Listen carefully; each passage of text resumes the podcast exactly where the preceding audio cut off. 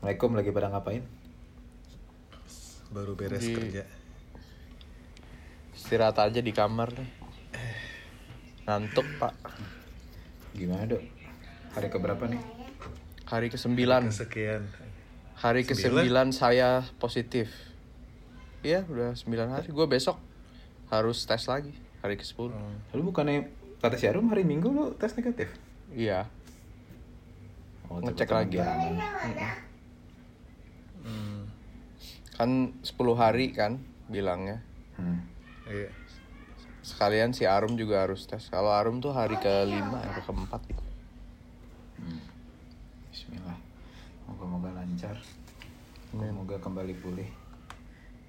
Tapi seperti sedia kala beneran nggak mungkin dan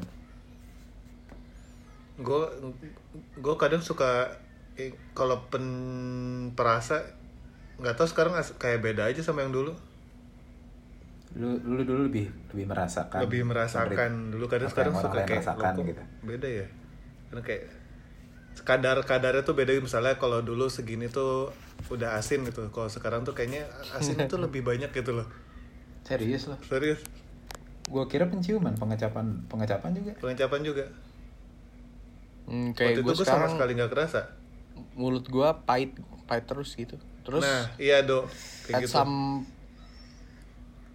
part gitu kayak kalau lo makan tergantung makanannya juga sih kayaknya. Kayak Iya benar. anjir kok asin banget gitu atau anjir kok manis banget gitu.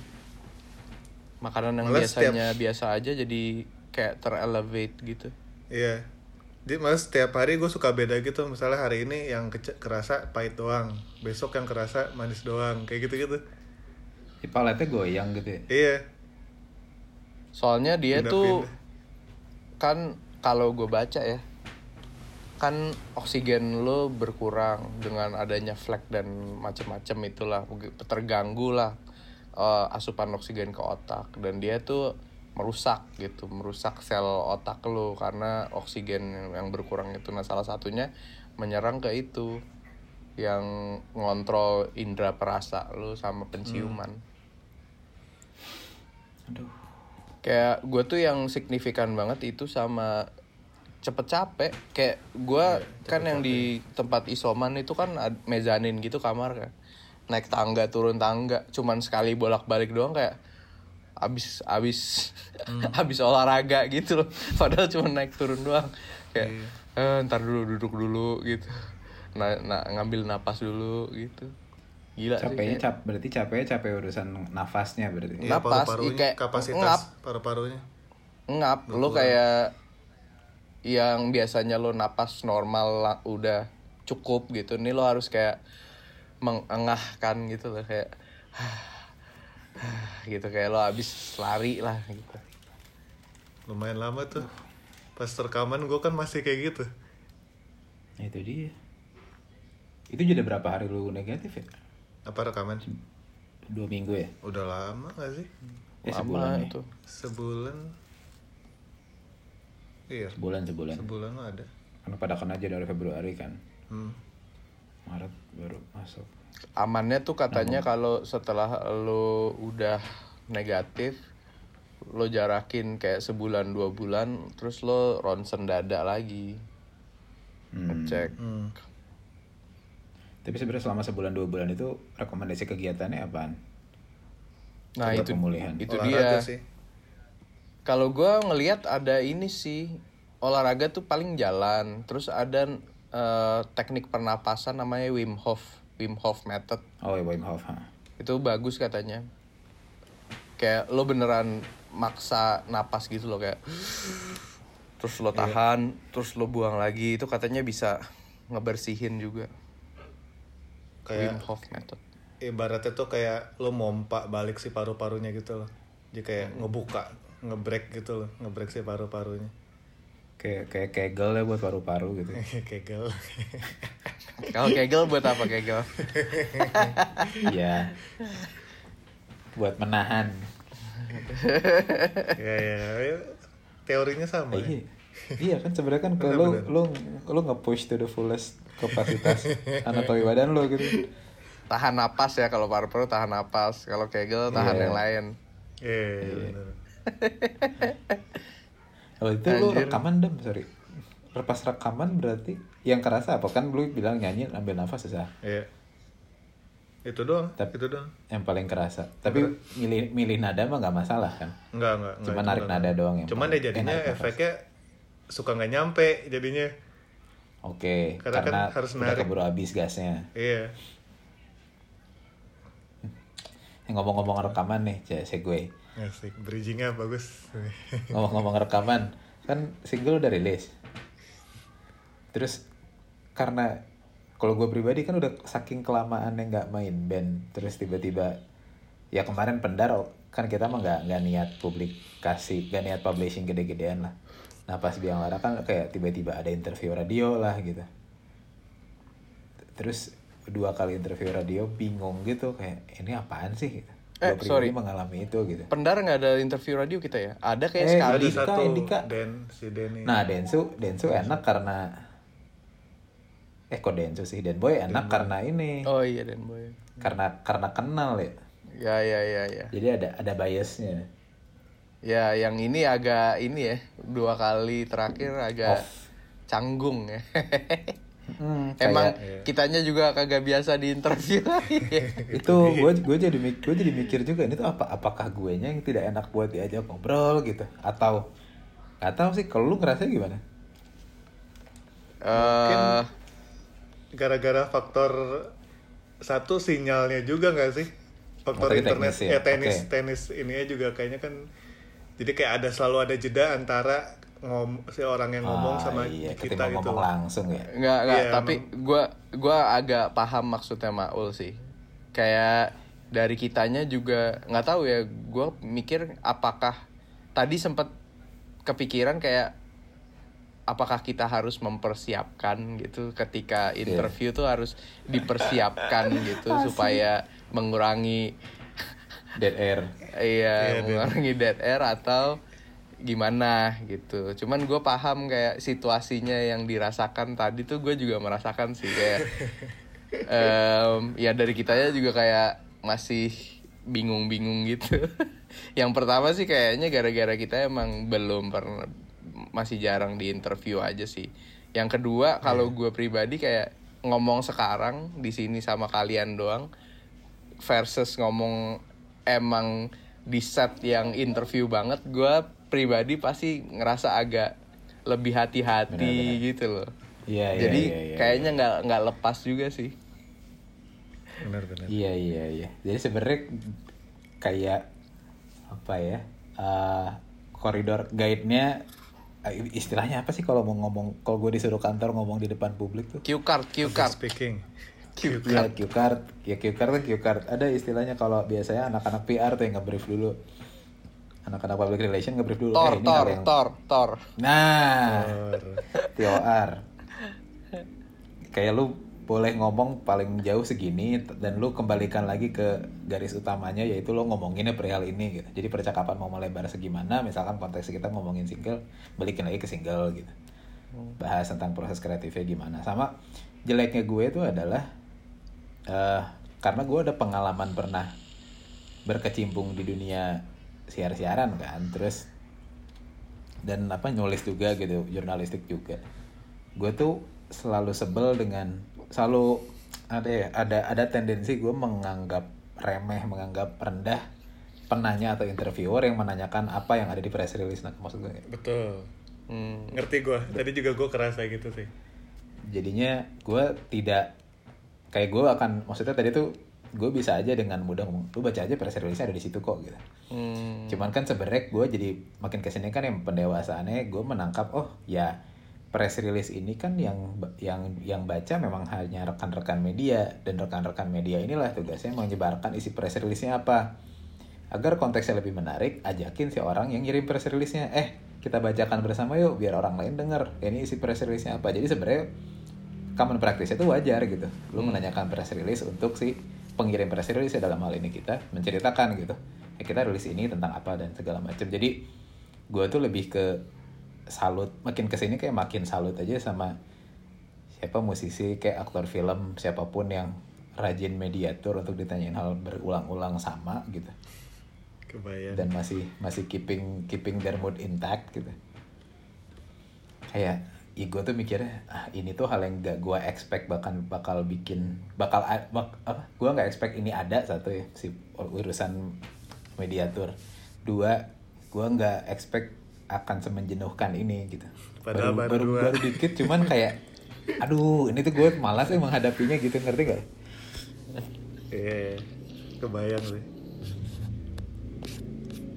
Eh, zaman zaman zaman lu band-bandan dulu gini gak sih dok? Atau Iya. Ya kan tadi lo bilang kayak ini udah standar industri. Ada press release dikirim ya udah di kayak gue ngelihatnya dengan kita ngirim press release itu semacam kita minta diundang untuk interview gak sih? Iya. Sebenarnya. eh tanyain kita hal ini dong gitu ekspektasinya jadi gitu kan bagi Iya, media. heeh. iya iya ya sebenarnya balik lagi ya kayak kalau i ngobrol yang ngajak ngobrol dan interviewnya itu mungkin bisa menggali dengan cara yang asik atau gimana. Hmm, ya benar, itu benar. bisa jadi asik juga buat kitanya gitu kan. Ya, tapi kan kita nggak bisa expect itu dari semua kan. Apalagi mengingat mereka juga durasinya nggak panjang kan. Hmm. Ya Gua- gimana ya jadinya ya? Yang pertama berarti kan sebenarnya dari kita itu mungkin mesti prepare juga. Yang kedua ya gimana Iya, ya? prepare sih penting satu Susah Ya, juga sih. jawab aja apa yang ditanya. iya sih itu sih jawab apa yang ditanya dengan senang hati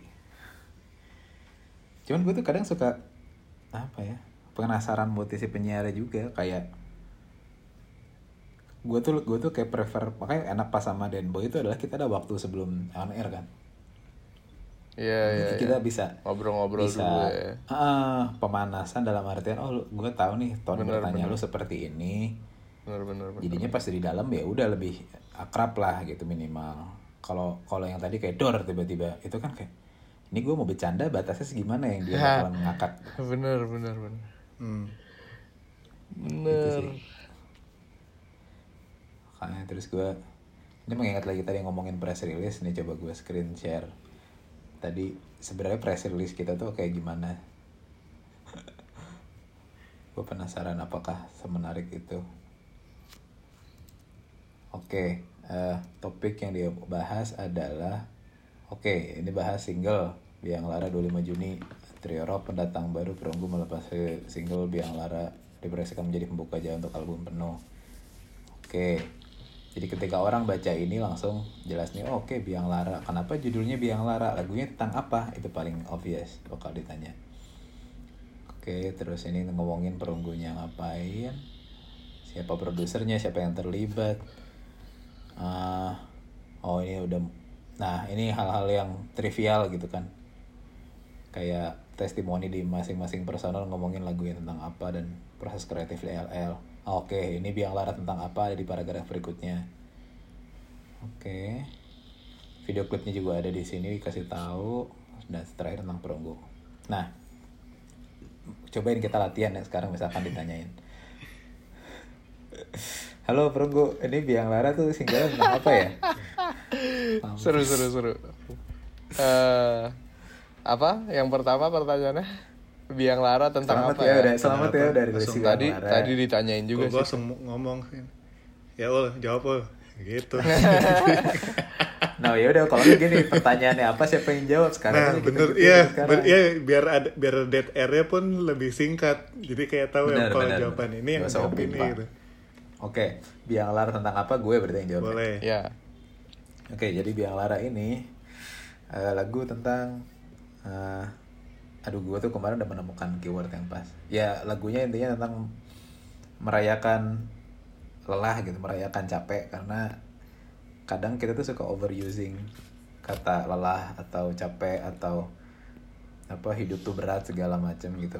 Padahal itu mah cuma urusan ekspektasi lo aja. Kalau misalkan hidup lo mau happy happy terus kan susah ya. Maksudnya lelah tuh kadang-kadang ya emang harus nongol juga dalam hidup lu buat lu rasain gitu. Sama ya paling pentingnya ya di sini kayak lebih apa yang ditekaninnya adalah perihal lu ngubah sudut pandang sih. Karena biasanya kalau gue pribadi ngerasa capek atau lelah tuh gara-gara gue clueless ini gue ngerjain itu buat apaan sih? Capek doang gitu. Biasanya kan muncul tuh kayak gitu. Nah si biang lainnya kayak ngajak self reflecting mundur dikit aja lu pikir-pikir eh, ini apa yang lu kerjakan dalam keseharian tuh imbasnya apa sih? Efeknya apa sih? Lu lu coba aja mundur apa lihat sekeliling efek efeknya apa apa dampaknya apa eh, pada dari apa yang lu selalu lakukan tuh orang-orang tuh pada ngerasanya apa. Kalau ternyata apa yang lu lakukan dan lu anggap capek ternyata tapi orang lain tuh ngerasa manfaatnya gitu.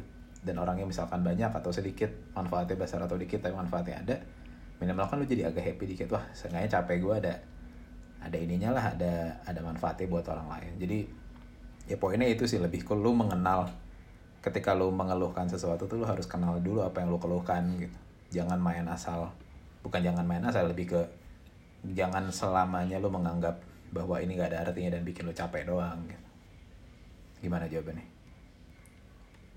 Mantap. Iya, Sangat Masuk. detail. Bungkus. masuk. oke bentar ini gue inget-inget jadi kalau ditanya ini jawabannya Kan ini direkam. Tinggal Oh, di iya bikin transkrip oh ya iya di iya, sini. iya. ntar gue ntar gue misalkan sebelum ketemu media gue dengerin dulu episode ini oke mulai aktif 2019 Trio Perunggu digawangi oleh Adam Adena, Nilda Hasman, dan Maul Ibrahim. Tahun lalu mereka memperkenalkan diri melalui berjudul Pendar. Kembali diproduksi oleh Giovanni Ramadeva. Oke, ini pertanyaan yang kira-kira muncul next dari paragraf ini. Kenapa sama Deva lagi? Dan sekarang ada Dennis juga. Gua deh, kan gue yang merekomen Oke. dari yang awal kan sama Deva. Oke. Kenapa ya? Nah iya. Ya kalau pribadi gua dari kan sama Deva tuh dari Pendar kan ya. Dari zaman Pendar ya gua ngerasa ini sebenarnya udah sempet dijawab ya waktu zaman interview Pendar. Cuman em, Indika ya? per- apa, jawabannya masih sama. Kalau yang kenapa Deva? Em, karena kita rasa dia secara musikalitas sudah mumpuni terus secara taste juga masuk. Kenapa Deva lagi? Ya karena kita cukup puas dengan yang pendar. Terus kita ngelihat juga dia kayaknya sekarang semakin serius kan.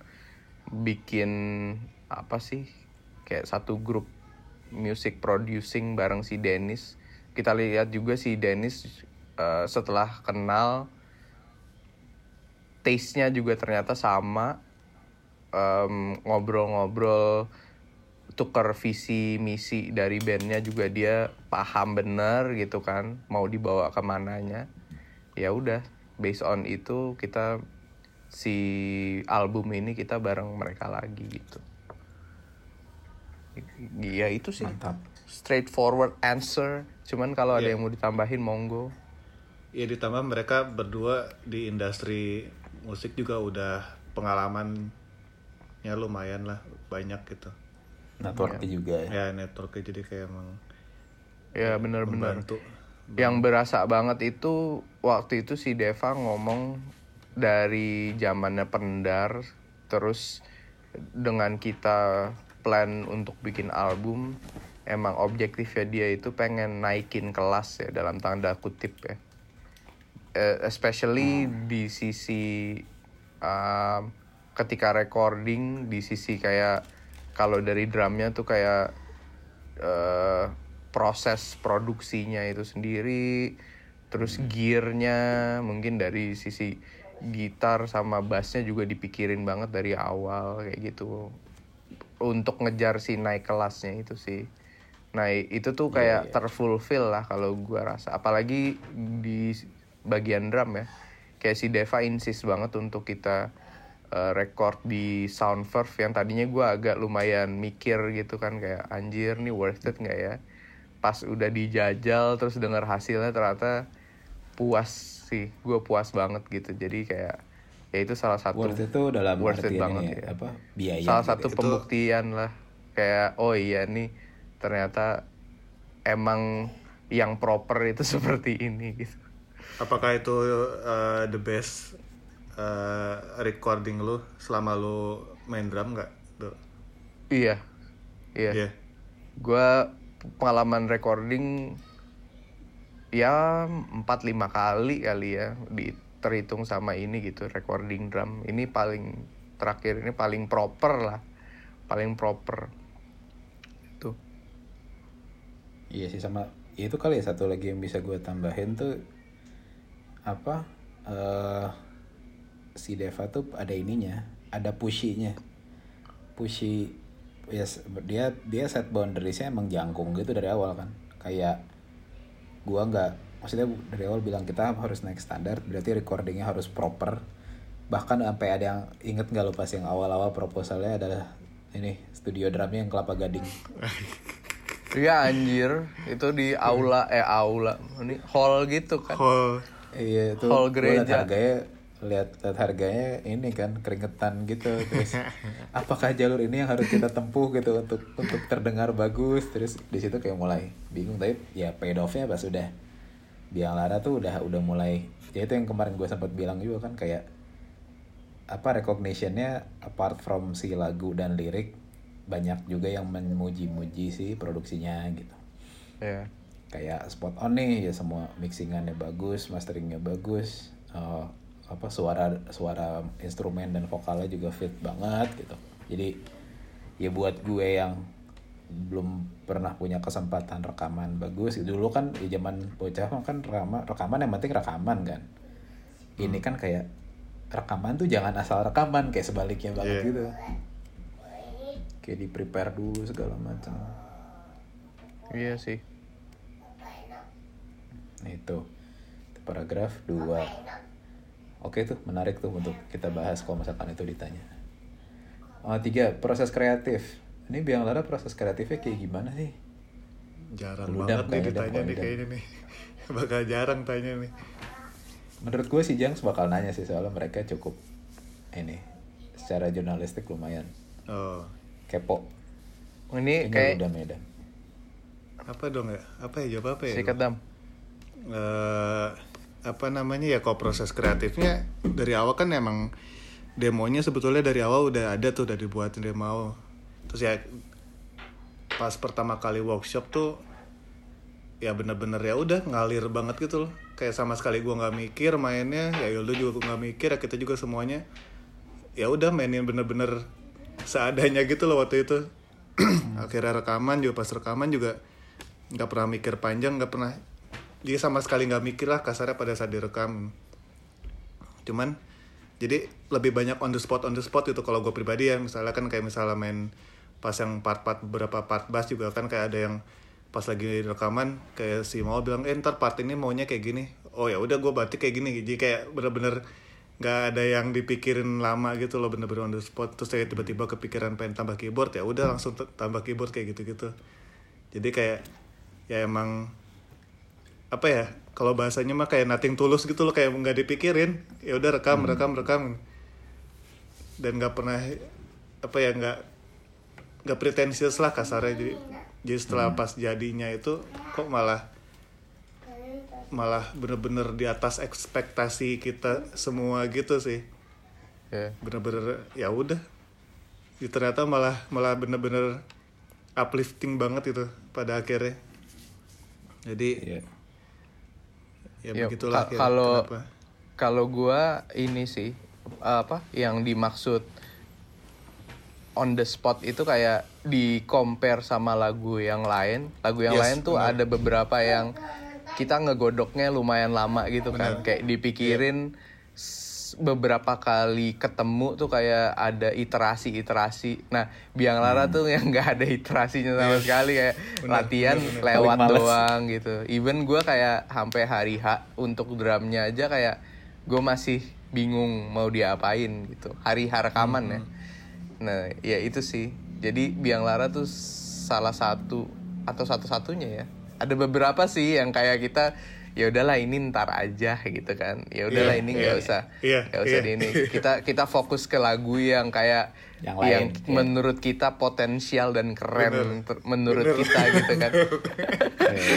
bener bener bener bener, bener banget yang agak yang yang bikin kaget ya itu pas udah direkam dengan on the spotnya kita itu loh kok enak juga ya? Gitu. Terus yang pecahnya lagi habis kita penentuan single itu ya. Penentuan single Kayaknya kuncinya di dia situ menang deh. malah. Gila gue gak gak expect sama sekali loh. Gue boro-boro eh, memposisikan biang lara tuh di atas. Sama sekali nggak pernah gue kayak, Ya, kayak- kayak banyak yang lain kayak- lebih keren menurut gue gitu tapi ternyata lain hal Kayaknya kuncinya emang di situ menurut gue karena eh apa ya? Secara dinamika prosesnya menurut gue ini yang paling apa? Bertahapannya paling enak. Iya boleh sini duduk. Tahap tahapannya paling enak si perampeng ini bro. Jadi kalau y- lagu yang lain kan contoh misalkan eh, lagu yang huruf depannya C lah gitu. hmm. Itu kan eh ini kan takutnya pas dirilis lagunya belum rilis. Iya iya nak sebentar. Si lagu yang C lah dari awal kan kita harapannya besar ya sama lagu itu. Jadi kita dari awal dari pas workshop jor-joran tuh mikirin riffnya gimana, ini drumnya di sini partnya gimana, Iya, gesernya gimana, vokal sampai gimana, sempat dilatihanin sebelum Adam datang gitu kan. Terus jadi pas begitu rekaman itu tidak jauh berbeda dengan yang kita workshopin. Iya iya iya benar benar Di benar benar. sisi positifnya adalah oke bu, bener-bener apa kita prepared banget gitu. Iya. Nggak gapnya nggak beda jauh, tapi minusnya adalah surprise-nya hilang. Di kita Semata- surprise di Iya. kita tapi kan Bener. ya Surprise kayak kitanya hilang itu- bener-bener. Jadi karena kita udah iya. mengonsep banget tapi iya, karena karena yang agak lebih mind blowing lagi si lagu C ini yang jadi jagoan kita ternyata nggak jadi jagoan dari Betul. orang-orang itu gue kayak, kaget loh what itu gue kaget. Waduh, selera gue, selera kita jelek kali, bukan selera umum. iya iya Ya, nggak tahu lah kan kita sampelnya hanya itu berapa? 18 orang. Siapa tahu N sam- N18 ini kalau misalkan kita luasin jadi cepet si 82-nya ternyata suka gitu. iya iya iya Ya ini cuman itu sih menurut gue ya secara proses kreatif iya sih. Eh minum air habis sayang. Di bawah boleh? Mau minum? Ya ada, nanti aja nyusul bentar lagi. dari segi effortnya nggak gede-gede amat tapi kok impactnya ternyata lumayan gitu kan Ya, prinsip ekonomi Betul betul. betul. benar benar benar Kayak apa? eh tapi itu sih investment tenaganya juga nggak banyak. Bahkan gue gue sih sejujur jujurnya gitu ya, sebagai orang ngirimin demonya pas pertama eh, itu gue masih suka bilang kalau gue tuh sebenarnya agak malu dengan lagu ini. Kayak Iya, gue iya. berkali-kali rada ngerem mau nge-share ke kalian tuh gue agak ngerem dulu. Aduh ini worth buat di share nggak ya? Karena itu karena aduh ini pop banget nih lagi gitu. Kayak atau aduh gini doang nih lagu lebih kayak gitu ya sih. Maksudnya ya emang sensei sih pengen bikin lagu straightforward oke gitu. Cuman tapi dari awal gue tahu ini li ini hooknya ngeri sih hook chorusnya gitu Hmm. hook refnya ini kena nih maksudnya orang pasti nempel yakin gue gitu saya yakin yakin makanya si Devo itu bilang ini lagu jangan sampai lepas lepas itu dalam artian nggak ke bawah gitu Hmm. Tapi yang bikin lo agak cringe sama lagu ini apanya lo? Hmm, mungkin ya ya itu ya karena pas bikin demonya kan monoton banget ya iya Hmm. satu dan yang kedua itu ternyata beda banget pas gue nyanyiin refnya di demo kan ref kok ref tuh sama dengan chorus ya kalau gue ketukar-tukar maafin. Eh kalau gue nyanyiin refnya waktu di demo kan gue pakai falset. Hmm. itu jelek banget. Hmm. itu kayak jep gitu. Nah begitu sama si Deva di apa dijejakin kayak harus lepas jangan pakai falset. Lu, lu pada juga kan requestnya sama kan kayak lu, lu pernah nanya gue inget ini ya pakai falset janganlah gitu gue kan takutnya nggak nyampe udah mikirin nurunin nada dasar gue inget banget waktu itu. Ini apa mainnya dari D terus apa eh tapi pas lagi ketek ya ya karena sempat karena ada jeda itulah blessing in disguise jadi ada jeda buat gue latihan nyanyi gitu ke kursus kursusan gitu terus ya udah pas tek gue inget banget lagi tek biang lara ada Rara tau? Hah? iya gitu? Iya tek vokal biang lara itu di akhir ya di akhir. Hmm. dilakukan setelah si lagu yang depannya P. Waduh. Waduh waduh.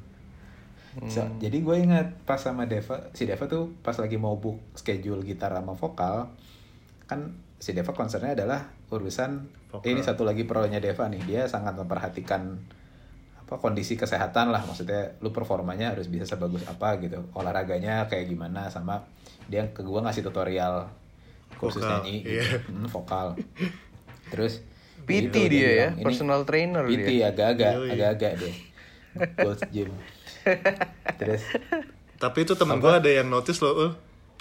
apa tuh masalah perihal vokal. Jadi kayak malah temen gue bilang kayak ini vokalisnya ganti ya. Kayak gitu. Nah, gue itu itu satu, ntar itu ntar gue bahas agak abis ini. ya. Jadi si tag gitar sama vokal ya si intinya kan gue bilang ke Deva requestnya jangan sampai yang tag gitar yang jelimet barengan sama yang vokal yang jelimet juga jelimet dalam artian nyanyi jadi waktu gue ngeranking ini kira-kira effort nyanyinya paling susah apa biang lara tuh nyanyinya paling susah Hmm. karena nadanya paling tinggi satu album tuh yang hitting the apa The not, note- paling tinggi not- iya. itu biang lara Ah. jadi nanti di sisa lagu lainnya buat yang denger nggak akan ada yang nadanya setinggi Biang Lara lagi lah. Iya. Tapi eh, oh wait ada satu lagi ada satu lagi nih si PHI sebenarnya sama tingginya cuman eh Biang Lara tingkat kesulitan lebih susah karena apa eh, Naik turunnya range dari range range vokal lebih gitu. ah, oktavnya lebih rendah. Jadi ya itu ingat banget pas take itu ada Rara lagi. Rara habis ya itulah gitu. Pokoknya ada di studio di hari itu. Terus gue jiper deg-degan ya takut nggak nyampe. Tapi gue inget banget beres nyanyi si Rara bilang kayak wah nempel lagi langsung ngomong gitu. Oh iya iya. Makanya pas itu gue bilang ke dia kayak Ra rilis nih yang keluar biang lara. Eh biang lara tuh yang mana ya? Yang lu tag-nya beres gue ngetek ya? Iya gue bilang wah udah nih gue juga menjagokan dia ngomong gitu. Hmm. Terus kayak di situ ya makin ngerasa kok ya udah nih si orang-orang yang kita kasih sampel tuh ya kurang lebih punya si Rara tuh maksudnya bisa somehow repre- sesuai lah dengan orang-orang yang representing yang milih-milih single kita itu. Oh iya sama satu lagi tadi yang apa urusan perbedaan vokal dibanding vokalisnya ganti ya ada yang ngomong gitu. Ini gue menyadari satu hal yang apa setelah gue ikutan kursus-kursusan mixing mastering eh ya ini ma- magicnya Ano sih menurut gue. Jadi kalau yang di pendar yang gue lihat yang Mas Fendi lakukan tuh bermain kelihatannya itu mah aman gitu. Jadi vokal gue eh secara frekuensi disejajarkan karena briefnya adalah emang kita pengennya flat gitu kan waktu si pendar. Sementara di album kan kita pengen yang apa jauh lebih wide, jauh lebih detail gitu dan gue melihat si Ano somehow menemukan spot timbre suara gue tuh ditaruhnya di mana gitu Hmm. Jadinya kelihatan lebih lebih nonjol. Lebih nonjol dalam artian lebih kelihatan gitu ketimbang pas pendar. Kalau pendar kan numpuk Nempel ya. Numpuk. Ha-ha. tapi ya bukan jelek juga emang beda ini aja beda treatment aja. Jadi kelihatan beda vokalisnya ya karena emang urusan apa equalizing vokalnya juga ano beda sih treatmentnya. Gitu. Oke. Terus oh ini nyambung first draft demo. Oh lirik. Lirik berarti gue ya? Hmm. Iya. Departemen lirik Biang Lara sumber kesedihan. Ya itu Biang Lara secara lirik gue terinfluence oleh eh, gaya penulisannya novelis novelis Indonesia zaman sekarang. Ada Eka Kurniawan, ada eh, siapa Lele Sudori, Sudori. ada hmm, yang agak belakang ada Budi Dharma. Uh, terus ada kalau sama penulis wartawan juga beberapa gue suka Zen RS Hmm. terus uh, Budi Warsito yang punya Kineruku gue suka tulisan-tulisan esainya gitu. Bahkan beberapa caption akun Instagram orang yang gue follow juga gue suka tuh. Kayak Felix gue salah satunya gue suka melihat gaya dia menulis gitu panjang. Apa? Uh, pemenggalannya sembarangan tapi enak. Pidi baik tuh buku-buku zaman dulunya gue ikutin.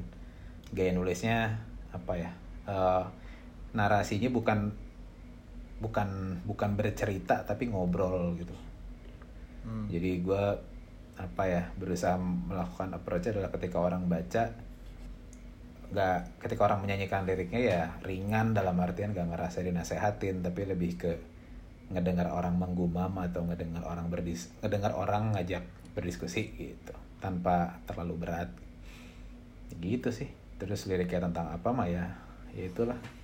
Banyak mainannya itu kan biang lara tuh ya apa wordplaynya biang lala kan ininya Dufan Ferris wheel gitu. Ya urusan rel hidup tuh ya kadang ada naik ada turun.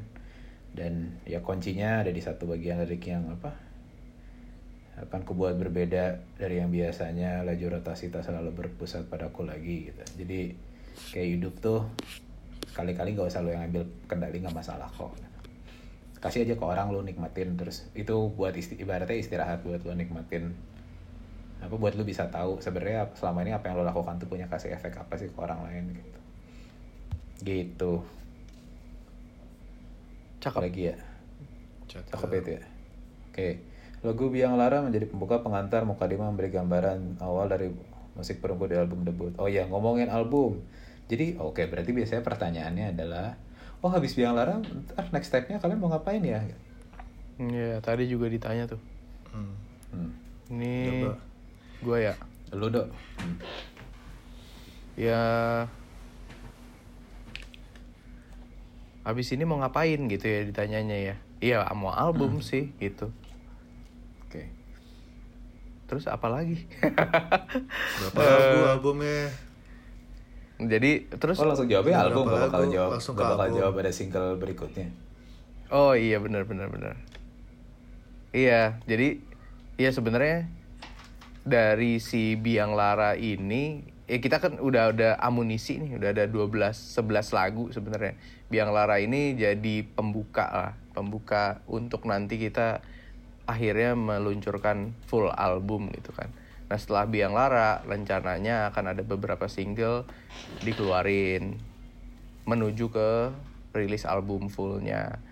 Nah, kenapa Biang Lara, eh, kenapa kita merilis single duluan dan kenapa ada beberapa single yang dipilih untuk kita keluarkan duluan? Yang pertama ini eh, strateginya adalah kita mau bikin kayak penonton ini mendapatkan gambaran perunggu yang baru lah gitu. Bukan yang baru kali ya apa ya? Yang perunggu yang sekarang gitu kan. Karena kan pasti orang punya persepsinya masing-masing terhadap perunggu ketika dengar pendar kan. Terus kita keluarin biang lara itu juga kayak menurut kita salah satu lagu yang cocok menjadi bridging lah ke lagu-lagu kita yang lainnya gitu supaya atau buat pendengar karena juga ya? lagu-lagu kita yang ada sebelah sini mungkin secara benang merah itu masih kita masih mengusahakan bahwa masih ada perunggunya tapi secara nuansa secara genre nggak ya? Genre masih rock lah ya cuman nuansa tema gitu kita lumayan variatif sih. Jadi kayak kita pengen memperkenalkan ngasih bridging lebih ke memperkenalkan kayak perunggu bisa main begini loh gitu. Nanti kayak biang lara itu orang mendapatkan persepsinya yang masih belum terlalu jauh dari si pendar tapi kayak ada sisi yang lebih popnya lagi yang popnya perunggu. Terus next singlenya lagi kita pengen kasih efek yang sama cuman dengan kejutan yang agak sedikit berbeda.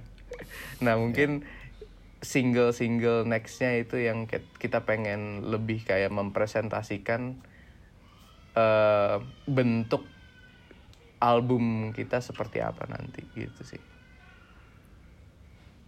Mantap tuh. Hmm.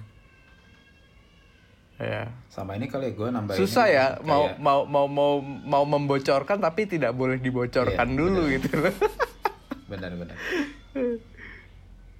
gimana ini sorry sorry nangkep. Eh.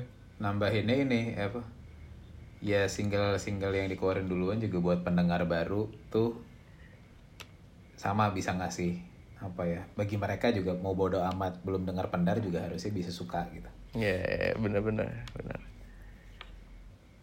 itu Ya itu doang sih paling nambahinnya Hmm. Bener. terakhir nih kayaknya paling tentang perunggu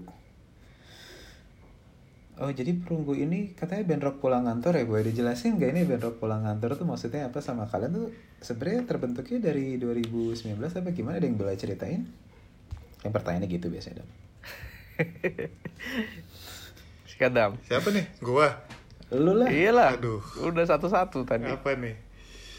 Eh, apa pertanyaannya? Kenapa disebut band rock pulang kantor gitu? Iya maksudnya apa band rock pulang kantor terus Iya. dibentuknya tahun 2019 kenapa waktu itu gimana ya, ya gitu gitulah Ya. proses terbentuk dan kalian tuh siapa gitu gitu lah Ya, intinya sih kita semua ya apa ya sebetulnya emang tiga orang yang dari dulu emang sebetulnya sangat cinta dengan musik mungkin ya bisa dibilang ya cuman ya eh, akhirnya kita bekerja kantoran dan meninggalkan sed- sedikit meninggalkan kehidupan bermusiknya setelah ber- bertahun-tahun gitu. Tapi pada akhirnya ya nggak bisa lepas juga gitu dari musik. Dan akhirnya dari 2019 eh apa namanya eh, Maul gitu ngontak gua terus Maul ngontak lu juga ngajakin ke studio gitu. Jadi kayak ya itu emang yang sebetulnya dari dulu juga kita udah sering sering ngobrol via DM Instagram gitu loh. Maksudnya kayak suka sharing musik apa terus kayak misalnya gue komen sama-sama dikomenin gitu kan. Ya waktu itu juga kayak pernah bilang gitu kan kayak mau pernah bilang kayak oh ternyata seleranya nih mirip-mirip nih kita bertiga. Ya udah akhirnya diajak satu studio lah pada saat itu. Dan ya dari pertama kali masuk studio pun udah kerasa aja gitu kalau enak nih gitu sesimpel itu aja kayak sesimpel klub gitu. Ngejalaninnya kayak ya effortless gitu kayak nggak nggak mikir nggak apa ya udah nih jadi gitu loh. Jadi kayak emang emang awalnya sih emang kayak cuman pengen ngelepas penat aja gitu kan dari kerjaan kantoran daily 9 to 5 gitu pulang kantor malamnya baru ke studio ya buat seneng-seneng cuman seneng-senengnya diseriusin gitu loh. Jadi kayak nggak ada apa ya maksudnya ibaratnya ya lu ngejalanin sesuatu in- nggak nggak nggak bercanda lah. Maksudnya kayak ada seriusnya juga gitu walaupun kita buat seneng-seneng. Intinya sih gitu awalnya terbentuknya 2019 siapa lagi? Itu cukup sih menurut gue. Hmm. cukup ya? Ya, yang ininya banget kan ngan ya ke- apa image bahwa kita orang kantoran. Tapi gue suka mikir ya, sebenarnya banyak juga sih kayak musisi-musisi lain yang memang juga ngantor gitu.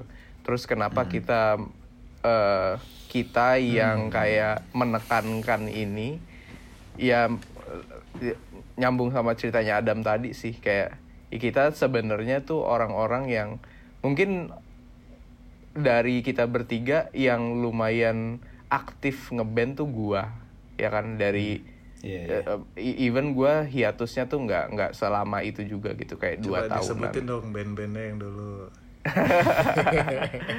Adalah.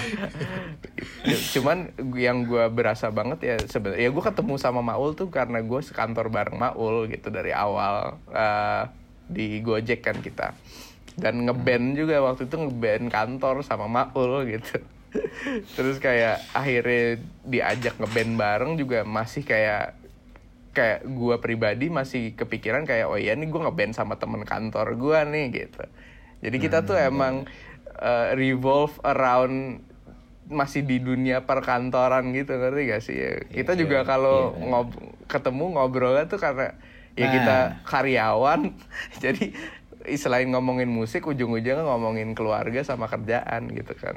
Iya, iya. Um, ini sih mungkin yang mungkin menurut gue bedanya ini do. Eh sorry kalau Iya. potong bentar. Monggo monggo. Eh ketik mungkin ada band-band lain yang nongkrong kuliah punya band dan akhirnya punya fase ngantor.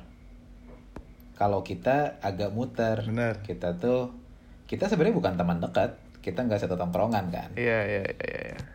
Cuman kebetulan gue sama Eldo sekantor gue kenal Adam dan apa industrinya kita kurang lebih mirip. Jadi ada topik percakapan yang bisa diobrolin lah gitu. Hmm. benang merah apa irisan diagram Venn di situ. Tapi pas ketemu kita suka musik juga gitu. Jadi ya udah.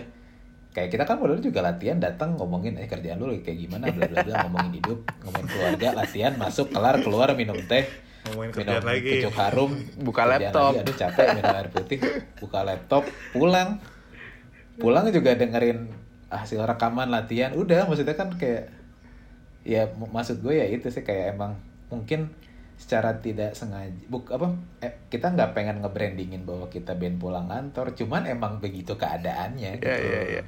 Iya iya. Iya. gitu sih paling tapi ya iya kalau misalkan ditanya ke alur proses kreatif ngaruh banget. Menurut gue ini apa ya secara lirik kan mungkin obvious ya ada beberapa yang emang temanya adalah eh, masih ke urusan how to deal with routines gitu kan. Iya. Eh, apa adulting 101 gitu. Tapi justru relevan banget jadinya. Even gua ya karena kan uh, lirik semua ma- majority dari Maul ya gue pribadi jadi jadi apa kons eh, apa ya perspektif enggak perspektif sebagai konsumen lirik-liriknya Maul tuh gue kayak anjing ya gitu. Karena Ya, ya gue ya gue sebagai orang yang beker, pekerja kantoran juga kayak relate banget anjing dia tuh aja, anjing gitu. gaya juga nah ya. kita pengen kita pengen juga itu tersampaikan juga sih ke orang-orang yang lain gitu. Hmm. iya sih. Karena nah itu kita semua pasti mengalami. Iya. iya. Ya, dan Jadi- tapi juga ternyata eh, itu nggak sebatas kantoran doang gitu. benar-benar Jadi kayak ya pendengar pun yang yang merasa relate ternyata yang nggak cuma orang kantoran gitu. sebenarnya itu kan kayak approach gue nulis lirik juga kan gayang ya mungkin adalah hint-hint kayak ini ngantor banget kayak misalkan di jenuh gitu jenuh kan gue telan kayak Iya. burung sejak pukul 9 dari papan ketik kan yang ngantor banget. Iya iya. Terus ada ada beberapa lirik lain yang peran yang tak berbatas benahi di menyala itu kan sebenarnya lu bisa banget nempelin itu ke kantor gitu. Tapi enggak juga nggak masalah. Ada juga ada kok sisi hidup lain yang kondisinya seperti itu gitu. Jadi emang mungkin ya dari awal gue sengaja bikin kebuka juga biar apa nggak terlalu scrutinize ke tema atau yang kantor banget kayak la la la la bunyi staples gitu kan itu kan apa gitu kan. ID cardku ketinggalan. Kayak aduh nah itu baru lu itu tuh di situ baru lu temain kayak kita manggung pakai lanyard misalkan aja gue nggak mau kayak gitu. Jadi apa ya lebih ke uh, ya kebetulan ya maksud gue gue menangkapnya adalah ya udah itu mah some part of it were actually just kita menjadi diri sendiri gitu. Hmm. Ya emang genuine aja nggak nggak lebih nggak kurang. Jadinya yang ketulis adalah yang apa yang di pikiran jadi sama tambahannya itu mungkin apa ya ya lu kenal orangnya gue dulu biasanya maksudnya sekarang tuh menulis lirik untuk perunggu menjadi salah satu cara gue untuk apa uh, releasing ininya lah. Nggak nggak hanya stres tapi beberapa part kesenangan segala macam. Jadi gue mencatat apa yang ada di pikiran gue saat itu menjadi liriknya perunggu gitu. Sebelum sebelumnya mungkin gue dulu ada partner curhatan gue ya selain nama keluarga jelas ya sama si Mbak Ika kan Ah, hmm. ada dulu tuh di kalau anak Gojek lah yang dengerin ini pasti tahu Mbak Ika gitu reputasinya lah baru resign kemarin-kemarin Dia- dia inilah kalau lu adalah apa peserta AVI Mbak Ika tuh Bunda Romi gitu Waduh. kayak ada mulu lu cerita apa dia tidak harus selalu menjawab tapi beres ngobrol sama dia lu agak lebih entengan gitu. Hmm. Silakan didengar juga podcastnya by the way, follow your flow. Nah, followyourflow.id lu cari. Halo Mbak Ika. Itu baik sehat terus. Lu apa ya? Maksudnya cara ngomongnya dia aja intonasinya enak segala macam. Nah, gue tuh belajar banyak dari dia adalah urusan menyampaikan pesannya itu kayak apa? Cara dia kontak mata lah, cara dia memilih kata apa yang keluar. Itu sam itu juga menginspir apa ya? ngasih pengaruh gue juga buat nulis lirik lebih karena poinnya adalah ketika gue nulis lirik satu gue pengen menumpahkan apa yang ada di pikiran gue pada saat itu pada ketika gue nulis. Tapi di saat bersamaan juga gue harus aware. Gue harus sadar bahwa ini akan dinyanyikan orang lain misalkan emang suka ini akan dibaca oleh orang lain. Jadi ya nggak bisa terlalu gue nggak bisa terlalu apa bukan nggak bisa terlalu gue ya lebih tepatnya. Nggak jangan terlalu dikunci jangan terlalu limit lah ruang dari pemahamannya gitu gitu sih jadinya ya apa ya ini kok jadi agak kejauhan nih dari pertanyaan cuman poinnya mah ya itu mungkin kembali ke urusan bedrock pulang kantor ya secara tema lirik emang eh, ini lirik yang hanya bisa muncul ketika eh, gue dalam kondisi gue sudah melewati berbagai macam fase hidup dan gue udah ngantor berapa lama gitu. Kalau misalkan 10 tahun lalu gue disuruh bikin nulis di- disuruh nulis lirik liriknya nggak akan seperti ini Hmm, hmm. pokoknya mungkin itu Masuk, masuk, masuk. Hmm. Ya siapa tahu next next album C 2 3 tahun lagi udah nggak band rock pulang kantor lagi kan. Udah punya udah punya udah punya peternakan sawah sendiri gitu. Aduh, band amin, band Bang. band rock pulang. Amin, ya pulang, Allah. pulang nyangkul Wendrok pulang ngarit ya ya ya jadikan motivasi lah ya itu. Aduh, kapitalisme. Kapitalisme. udah deh kayaknya itu kan ya. Harusnya yang bakal ditanyain orang-orang. Iya sih paling. Ya kalau nggak paling video klip? Oh iya ya. Allah kelewat. Itu pasti ditanya dah. Iya. Oke nih terakhir nih sebelum kita tutup deh. Eh Biang Lada kan udah rilis video klip nih. Klipnya itu lucu sih ya kalau gue lihat itu ceritanya gue kayak menjadi apa kemarin ngomongnya? Gue menjadi kayak keluarga. anggota keluarganya kalian gitu. Boleh diceritain nggak itu prosesnya gimana? prosesnya Selain proses apa ya? Mau ingin menceritakan apanya juga? Hmm, prosesnya ya ya awalnya da- dengerin dari lagunya dulu sih kan lagunya udah ke, udah ketara kayak gini liriknya juga kayak apa terus ya tinggal divisualin sebetulnya ya kalau dari apa namanya dari interpretasi gua pribadi sih sebagai sutradara anjing Eh, apa namanya eh ya udah itu kayak ya gue kayak pengen menceritakan eh, aktivitas kita sehari-hari gitu. Keseharian kita aja udah gitu doang intinya. Cuman dari pagi sampai malam dan pengen diakhiri dengan kita ngeband di studio gitu karena emang emang itu kan emang yang pengen diceritain ini loh maksudnya kayak kehidupan gue kayak gini ketemu keluarga kerja ya ngapain olahraga gitu kan makan. Terus malamnya ya tetap melakukan aktivitas yang kita sukain dari dulu yang dari tadi kita udah ceritain juga gitu. Kalau kita ya nggak bisa lepas dari musik lah kasarnya gitu. Intinya sih gitu doang.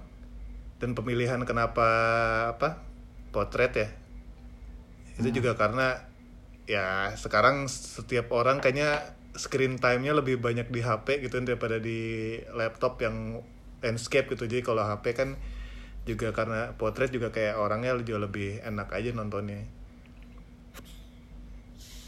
Mantap. gitu Masuk.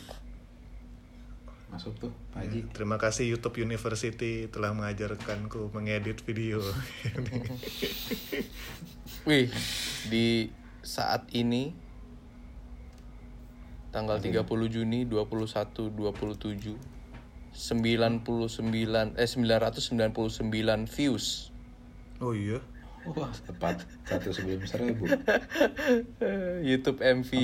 Perunggu Biang Laras 999 views. Keren.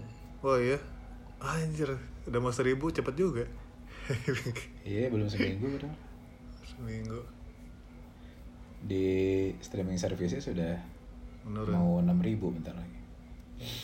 Nih yang Satu hal lagi. view ke 1000 dapat apaan nih? gimana taunya Satu hal yang gue suka itu sih ngelihat si streaming service spread ininya, spread source Ken- streamnya. apa. kenapa lu concern di situ Wah ya ini dong, karena apa ya, gue selalu gue tidak begitu percaya dengan konsep playlist yang diatur oleh pemilik platform.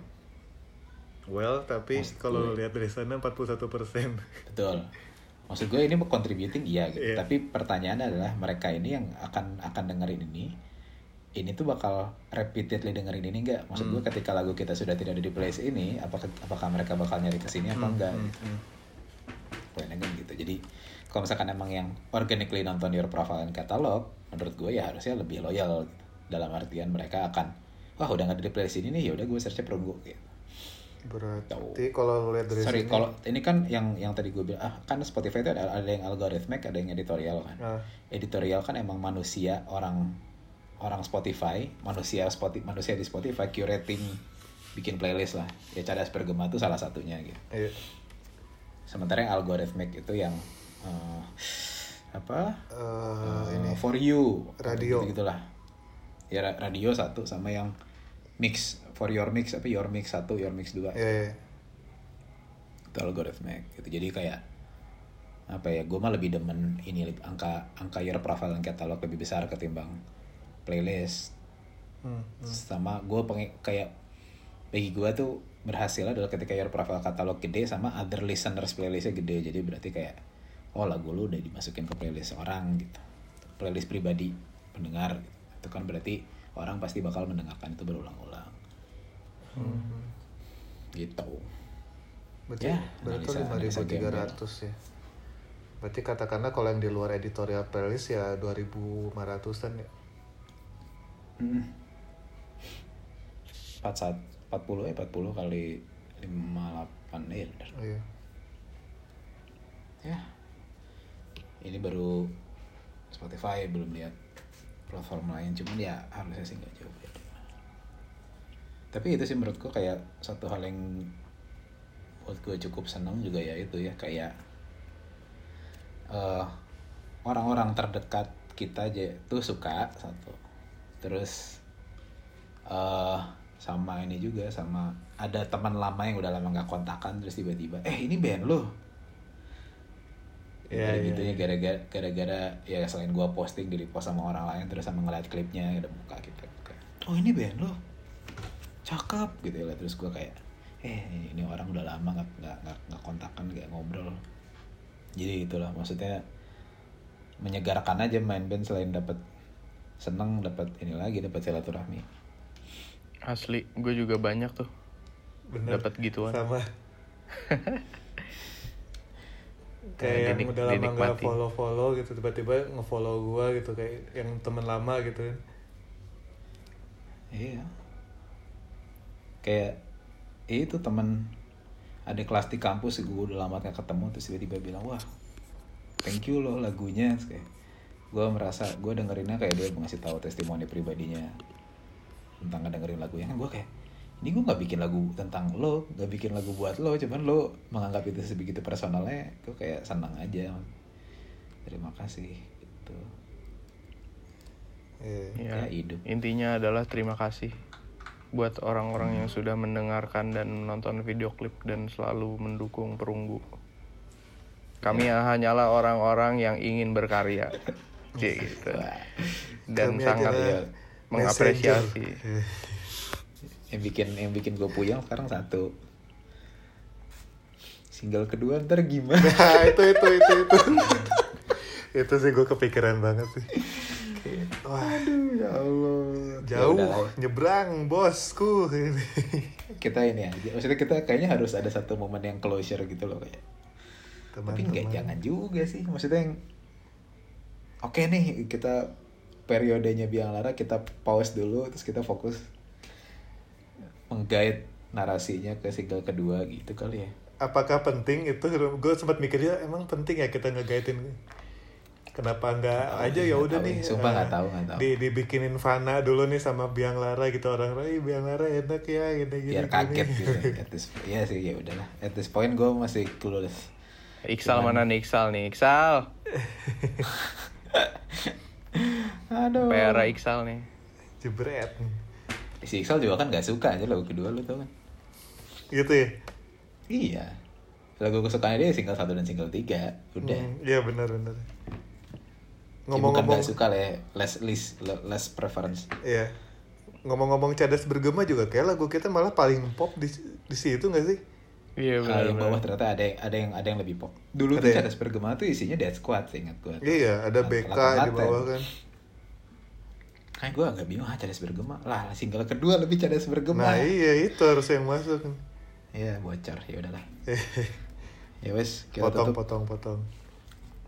terima kasih ya kita udah latihan bareng-bareng buat menghadapi interview radio dan majalah dan media lain Asik. semoga Majalah si ada. semoga di ya, webzine apa lah ya itulah media semoga nanti lain kali ketika kita ketemu media jawabannya sudah lebih lancar karena kami sudah latihan.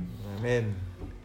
dan semoga yang dengerin ya, bagi kalian ya udah jadinya misalkan kelewat menyimak media tersebut jawabannya semuanya di sini tentang biang. Kasih kebetan.